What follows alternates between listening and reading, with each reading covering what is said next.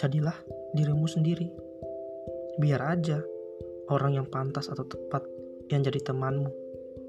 Mungkin nggak akan banyak teman, tapi mereka itu suka kamu yang asli, bukan kamu yang memakai topeng.